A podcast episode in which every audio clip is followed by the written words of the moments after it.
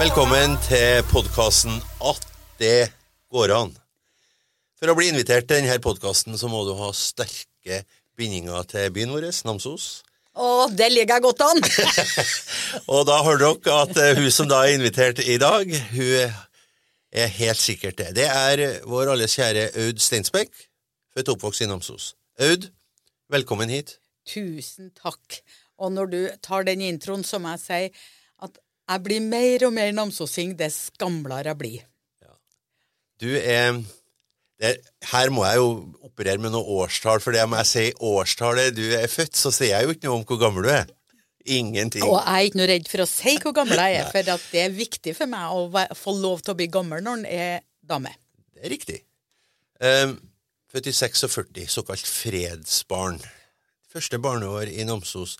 Hva er det hva er det du første du kan huske på i livet ditt? Hva er det du, når du tenker tilbake, hva er det første som gjør inntrykk, og som sitter ennå? Ja, Da kommer jeg jo midt i skamma mi med en gang, for det første jeg husker, det var at vi prøvde å få en pappa til å være hjemme. Ikke ferda ut på byen, for en pappa var alkoholiker. Og det første jeg husker, var at vi prøvde å få han til å være hjemme, sånn at ikke skamma vår skulle ferda på byen. Akkurat. Ja.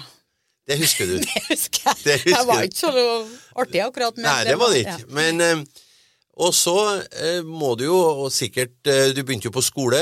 Ja. Eh, dere bodde oppe i Vika. ja. Bodde nederst i Vika. Nederst i Vika. Ja. Vikapie. Som jeg har forstått, så var Vika nærmest et sånn egen stat i staten. Det var et eget miljø på Vika. Ja, Vika var liksom verden, det. Ja, der kunne vi kaste slåball, og vi kunne ha stikkball ute i gatene, og det var mye som foregikk gjemt, ikke sant. Det var spennende, vet du, å holde på med gjemt oppe i Vika. Um, du er én av tre søstre. Minst. Ja. uh, Ble du prega av å være minst i søskenflokken? Ja. Du er jo en, uh, du er jo en, uh, en veldig tydelig dame. Eh, Ble du liksom sett veldig på plass og måtte ta igjen? Har det prega deg litt? Nei, eh, jeg ble ikke satt på plass, for jeg var så enkel når jeg var ungen. Eh, jeg var vel heller sånn at eh, jeg prøvde å ha olje på vannet. Det var litt mye hjemme da med en pappa, Skjønner. og så hadde jeg en søster som innimellom var litt sjuk, Unni. Ja. Sånn at jeg var snill og grei, så mamma eh, brukte å si at hun trodde ikke at jeg kom til å vokse opp, for at jeg var så enestående. Og det betydde at hun kunne sette meg på en stol, og det kunne jeg sitte i til hun sa jeg kunne gå ned. Og da tenker jeg da har jeg lagt mye bånd på meg sjøl for å være grei med mor mi, altså. For det er ikke noen som får til å sette meg på en stol nå. altså. Nei, jeg har vanskelig for å se for meg dere. Ja. det sånn. Jeg har jo bladda litt i, i ditt liv. Du var i Namsos for kort tid siden i Seniorforum og holdt et rykende godt eh, eh, foredrag om Aud Steinsbekk. Du gjorde det? Ja. Det var et foredrag. Jo, ja. Eh, men akkurat her og nå så skal vi også snakke litt om henne, men jeg, jeg vil litt på baksida av Aud Steinsbeck. Du er i mine øyne en veldig direkte dame. Og definisjonen på å være direkte det er at da har du tenkt gjennom det meste på forhånd og kan svare umiddelbart. Ja, nei, jeg er har ikke tenkt gjennom det meste, nei, for jeg er så ekstremt ekstrovert. Sånn at det er veldig ofte at jeg hører mine egne tanker før jeg er klar over at jeg har sagt dem. Jeg hører dem innom, gjennom mine egne ører. Så jeg er ikke så gjennomtenkt alle gangene, men at jeg er direkte, det Og det tror jeg har sammenheng med oppveksten. Ja. Det var liksom ikke rom for å, å spille og gjøre seg annerledes enn en var. Nei. Nei.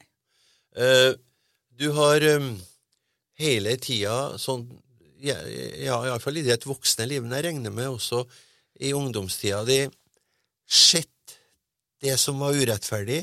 Du har sett det som er feil, og det som ikke er naturlig. Eh, har du noen forklaring på akkurat den Du, du ser den svake, du, og du, har tatt eh, hans og hennes parti bestandig. Ja. Og Det tror jeg kommer av bakgrunnen til mamma og pappa, for eh, begge kom jo fra veldig fattige kår. Og vi lærte ganske tidlig av forskjellen på rett og galt. da. Og det som var urettferdig, det var vi imot.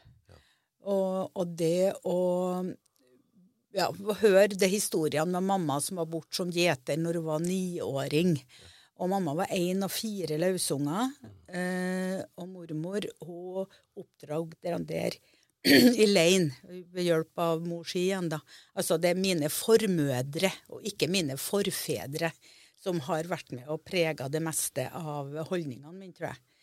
Men, Artig at du sier det. Jeg må bare komme inn med Jeg har jobba i Afrika. Ja. Og Der eh, ble jeg veldig godt kjent med en, en katolsk prest. Og så når jeg skulle reise ifra det landet jeg jobba i, da, så, så spurte jeg en hva tror du om det her kontinentet Afrika? Så svarer han meg. Du, sa han. Hvis det ikke hadde vært for de damene på, i det kontinentet her, så har det ikke vært noe Afrika. Nei. Jeg bare ber til min allmektige Gud om at de må bevare styrken sin og utholdenheten og sin kløkt. Ja. Det er Du, du har jo et jeg, Feminisme syns ikke jeg er noe godt syn, men du har et, et ærlig kvinnesyn. Jeg syns feminisme er fantastisk ord. Jeg elsker det ordet, Ja. og jeg er stolt av å være feminist. Og det har jeg vært fra jeg tror jeg kan snakke rent, altså. Så bra. Og feminisme kan uh, alle være både kvinnfolk og kar hvis Ekstra. vi er for eh, likestilling eller frigjøring mellom kjønnene. Ja. Og jeg er helt enig med deg, eh, som han der presten sa, at hvis vi med et trylleslag hadde fått ja, 50% kvinnfolk i maktposisjoner i verden, så hadde verden sett annerledes ut. Jeg sier det. Hadde det vært 80% damer i Dumaen i Moskva, Ja. så har de bare dyrka korn og levd i fred og Ja, fred i Ukraina. Artig. Vi skal komme tilbake til det. Flott. Uh, uh, du har uh, vært med på utrolig mye. Når jeg leste gjennom den der CV-en din, den der foredraget ditt, så skjønte jeg fanken, hvordan har du fått tida til det? Du burde jo være mye gamlere enn du er. Du har vært med på mye. Eh, du eh, forlot Namsos, men eh, før du forlot Namsos, så var du gift. Ja. Nei, jeg gifta meg etter jeg forlot Det. Namsos. Ja. Ja. Jeg forlot Namsos i 65 da jeg var 19 år. Og gifta meg når jeg var 23. Men jeg fant meg nå en namsosing Det som var russ, Ja, ja. eh, så vi var i lag fra russetida, og så gifta vi oss i 69. Kult. Eh, når du, ne- ungdomstida di da, i Namsos, eh, den måtte jo være eh, på tidlig 60-tall og utover. Ja. Satt ungdom, eh, har ungdomstida di noe eh, med å gjøre den iveren og den, den evnen du har øvd til å se ting i ditt lys? Var, det, var, var ungdomstida di prega av noe som, som satt spor etter seg? Ja, eh, uten tvil. Det var jo ei veldig sterk tid. Og, og når du begynte å oppdage voksenlivet, eller begynte å skal bli større, da, så ble det jo mange skuffelser. For det at det var folk som du hadde sett opp til, de holdt ikke mål når du begynte å få litt eh, innsikt i baksida.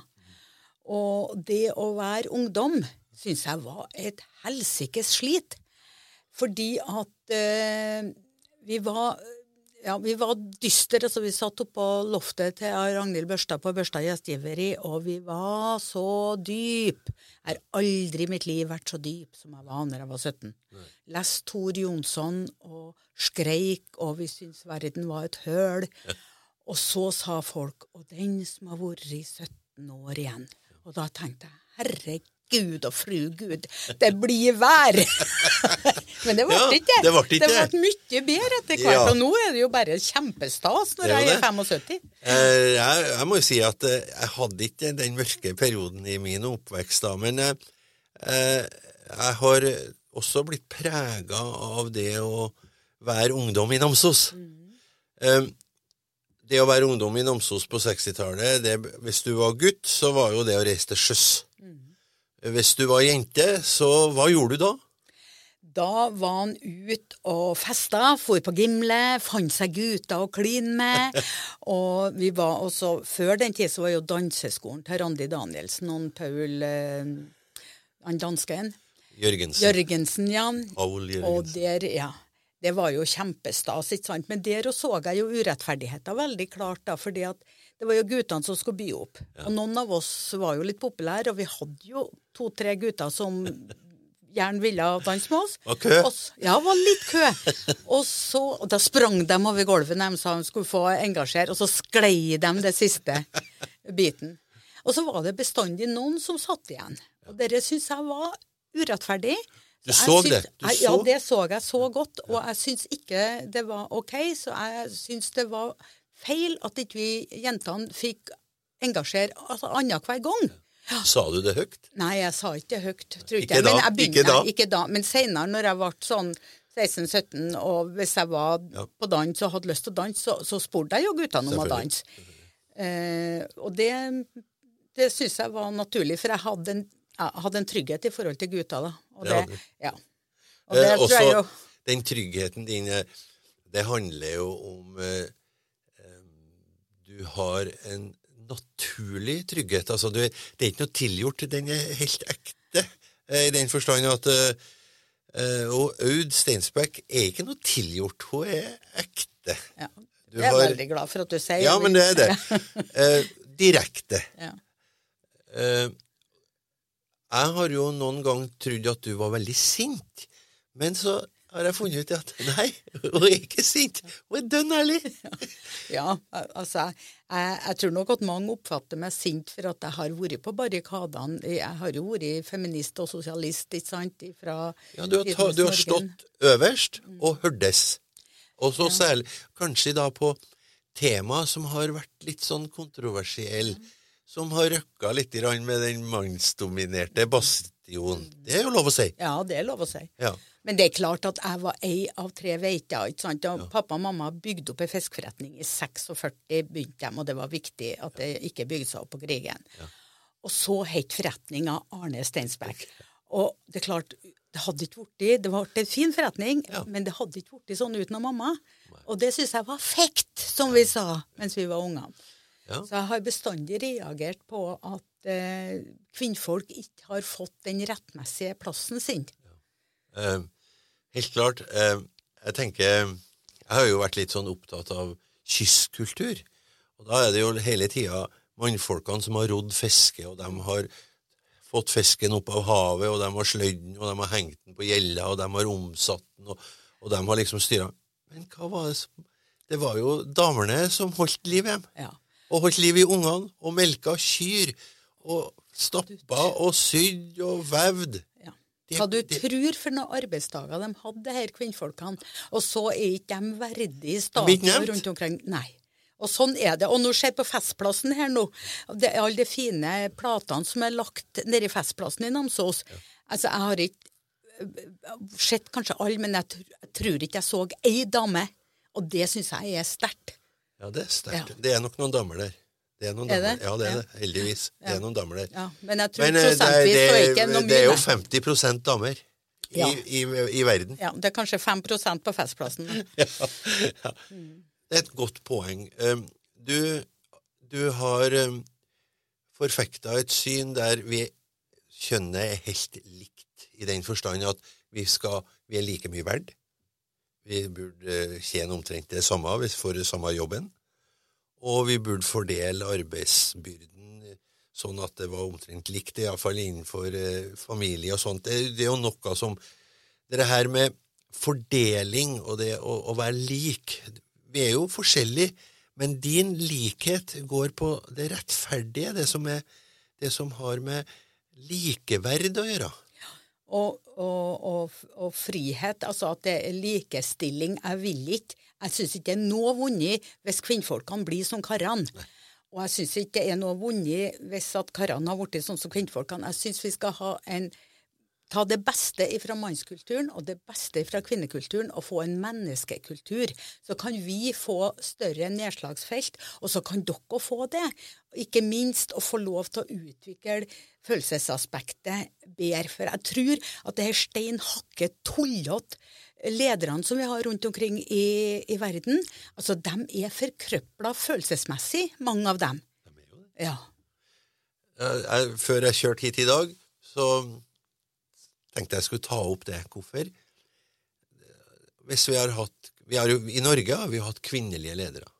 Vi har hatt uh, både innad i partiet, vi har hatt statsministre som har vært uh, damer. Uh, det har nok gjort noe med det norske samfunnet. Absolutt. Absolutt. Altså, der, jeg er jo veldig stolt av den, det som vi kaller statsfeminisme. Altså, jeg var jo aktiv nyfeminist fra 71 og var med i den nye kvinnebevegelsen.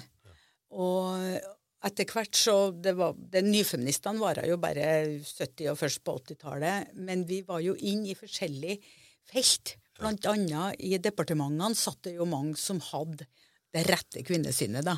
Ja. Og at vi har fått til såpass mye uh, med pappapermisjon, med lengre uh, svangerskapspermisjon, det er jo en del av det som, er, som jeg er stolt av den såkalte statsfeminismen. Men nå er det jo så ille å se hvordan svangerskap og fødsel og barsel er. For nå er det jo gått tilbake, så det gjør noe mann. Og det her er gått under radaren på mange av oss langtidsfeministene. Vet du nå, jeg, jeg har tre gutter, og de har fått barn.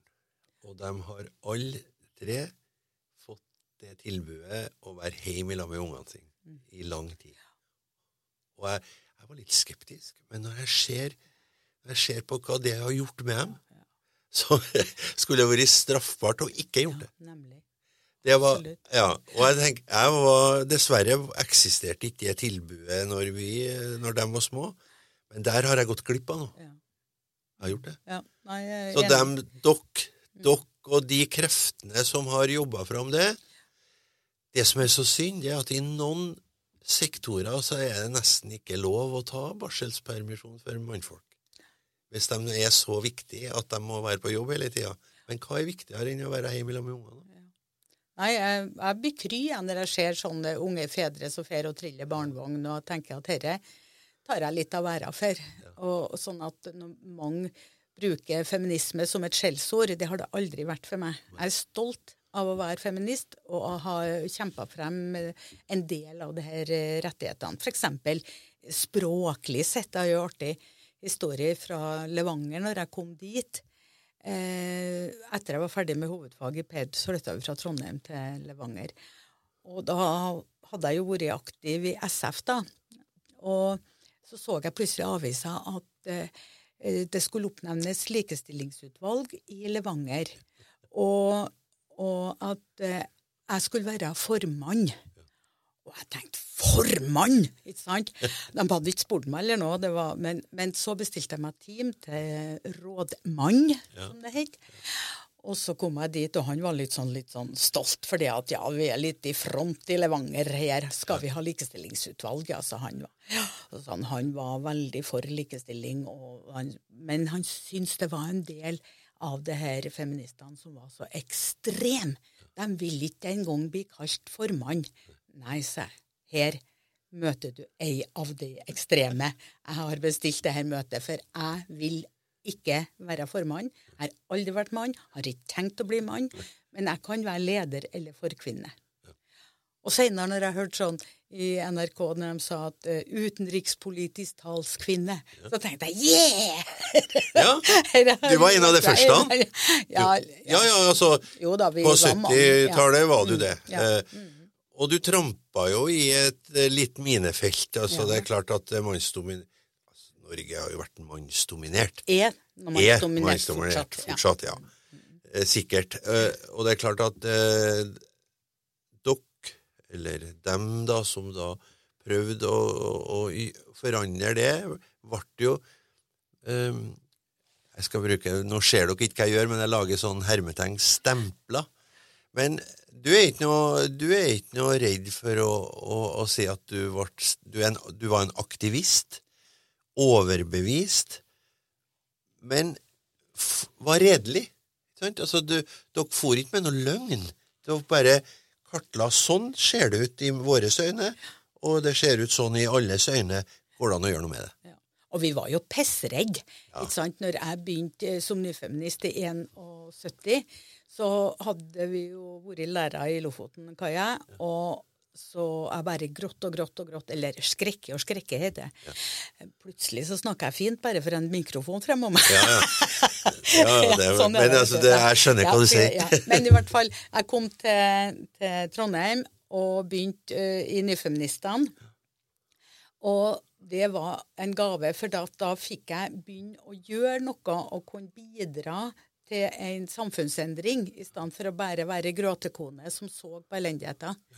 Sånn at uh, vi hiva oss jo rundt, og vi var jo ut og holdt foredrag, og jeg husker jo godt den første gangen jeg tok ordet i, i forelesningssalen. Altså, taket kom ned, og veggene klemte seg fast. Jeg var pissredd. Ja.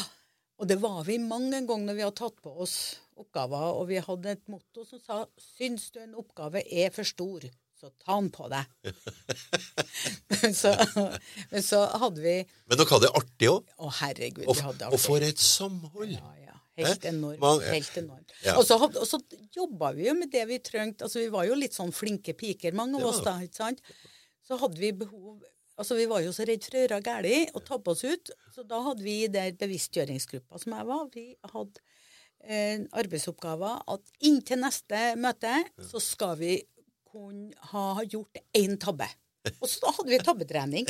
Og det tror jeg var lurt. Ja. Jeg studerte i Trondheim i 76, på, ute på Lade. ja. Det var lærerhøgskolen. Ja, ja. Og jeg landa i Jeg må jo være helt dønn ærlig, jeg landa litt i det miljøet For det var mye flotte damer. ja. Det var det. ja. Og noen av dem ble rikskjendiser og programledere, og, men dem eh, ble jeg godt kjent med på Trondheim der. Og det som slo meg, var den, det samholdet, og hvor artig de hadde. Så vi, når vi da var i kantina, så var, hvis det var latter, jo, så var det de der damene med langt hår og blå øyne som satt der og kosa seg. Og da kom nå vi krypende og. Artig. Det det. Altså, og vi hadde jo slutta jo med sminke, og vi slutta med bh, ikke sant? Og det var veldig mange av oss uh, som ble stempla som, som mannhaftige. Altså, vi var liksom så og, de fleste av oss var jo godt gift og, og glad i kar, ikke sant? Men det, ja, det var liksom litt Det var en slags frigjøring. Ja. Vi ville være menneske først, og så kjønn. Og der har vi jo det her berømmelige eh, VG-intervjuet som jeg hadde en gang òg. Ja. Som eh, jeg syns jeg Tre og en halv time satt journalisten og intervjua meg. Eh, tok bilder og greier. Og så fikk jeg sa at jeg måtte få lese gjennom, da, og det fikk jeg. Og når jeg så det der han har skrevet, det var helt forferdelig. For det var altså han, det var liksom så mye beskrevet om hvem jeg var, og hvordan jeg så ut, og, og ikke- hadde snakka om. Sex var med, men ikke noe om organisering av flatestrukturen vår og sånn. Og blant annet så hadde han skrevet der at hun er et oppkomme av kvinnelig ynde. og du vet, jeg ville Var han blind? Nei, men han syntes jeg var attraktiv, Ja, ja. og det ble han overraska over. Så, sånn at eh, vi fikk nå luka bort det, men så kom det jo da senere i avisa. Det var ikke der det, at hun Men hun er fremdeles sexy, eller noe sånt? Ja, det stod det 'nyfeminist, men sexy ja, ja, likevel'. ja. Og det sier litt om fordommene til dem at eh, vi liksom ikke De mente ikke det gikk an å være uh, aksjonist og feminist og samtidig sexy. Men vi mente jo det. Klart det. Jeg, Klart det. ja, det. Eh, jeg vet jo hva som gjør deg forbanna. Eh, det er urettferdighet, og når du ser ting ikke er som, som skal det være. Og du er god til å si ifra. Hva gjør deg redd? Eh, jeg blir jeg er jo redd sånn for verdenssituasjonen. Når jeg får vondt i verden, eh, da må jeg ta meg sånn skriketokt. Da, Du, da du, blir du jeg kan helt gråte. Å, Du skriker herregud. Jeg skriker mer enn eh, Ja. Nei, du, du jeg- flirer og Jeg flirer er- mye, men jeg skriker, skriker mer enn folk flest. Det gjør jeg. Så bra. Men, ja. Jeg har korte tårekanaler, så det, Ja. når jeg får vondt i verden min, da må jeg ta meg ei gråtetåre. Nå er jo verden den ytre verden. Du har jo din indre verden. Du har jo, da du har jo barn. Ja. Men jeg, jeg blir jo veldig redd hvis jeg gjør noe feil. Og, og det er klart, i forhold til ungene så er du jo redd hvis ikke de har det OK, men nå er jeg jo så heldig at det er tre unger som har det rimelig bra.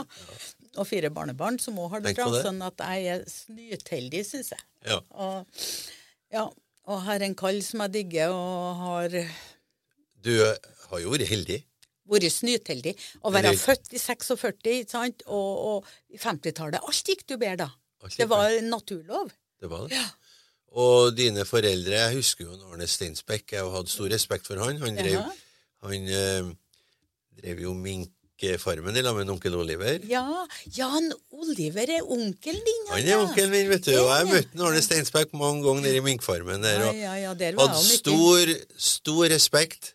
Stor respekt. Eh, Han så veldig snill ut. Han hadde jo vært veldig sånn karismatisk. Han var jo Han lyktes jo i det han holdt på med. Ja, ja. Han var jo en respektert forretningsmann. Ja, ja. Bygd Steinsberggården. Kom seg jo virkelig opp. Men Han gjorde det. var, ja, men det var ikke bare han og mamma var med, hun også. Det, er, det var det jeg skulle si. Jeg gjorde ikke det alene. Nei, jeg gjorde ikke det.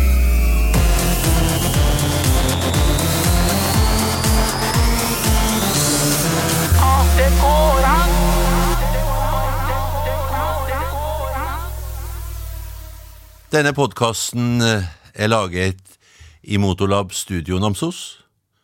Programleder Hans Roger Selnes, og podkasten er sponset av Rema Rock City Namsos. Du finner eh, våre andre podkaster på vår hjemmeside og andre vanlige podkastplattformer. Riktig god fornøyelse.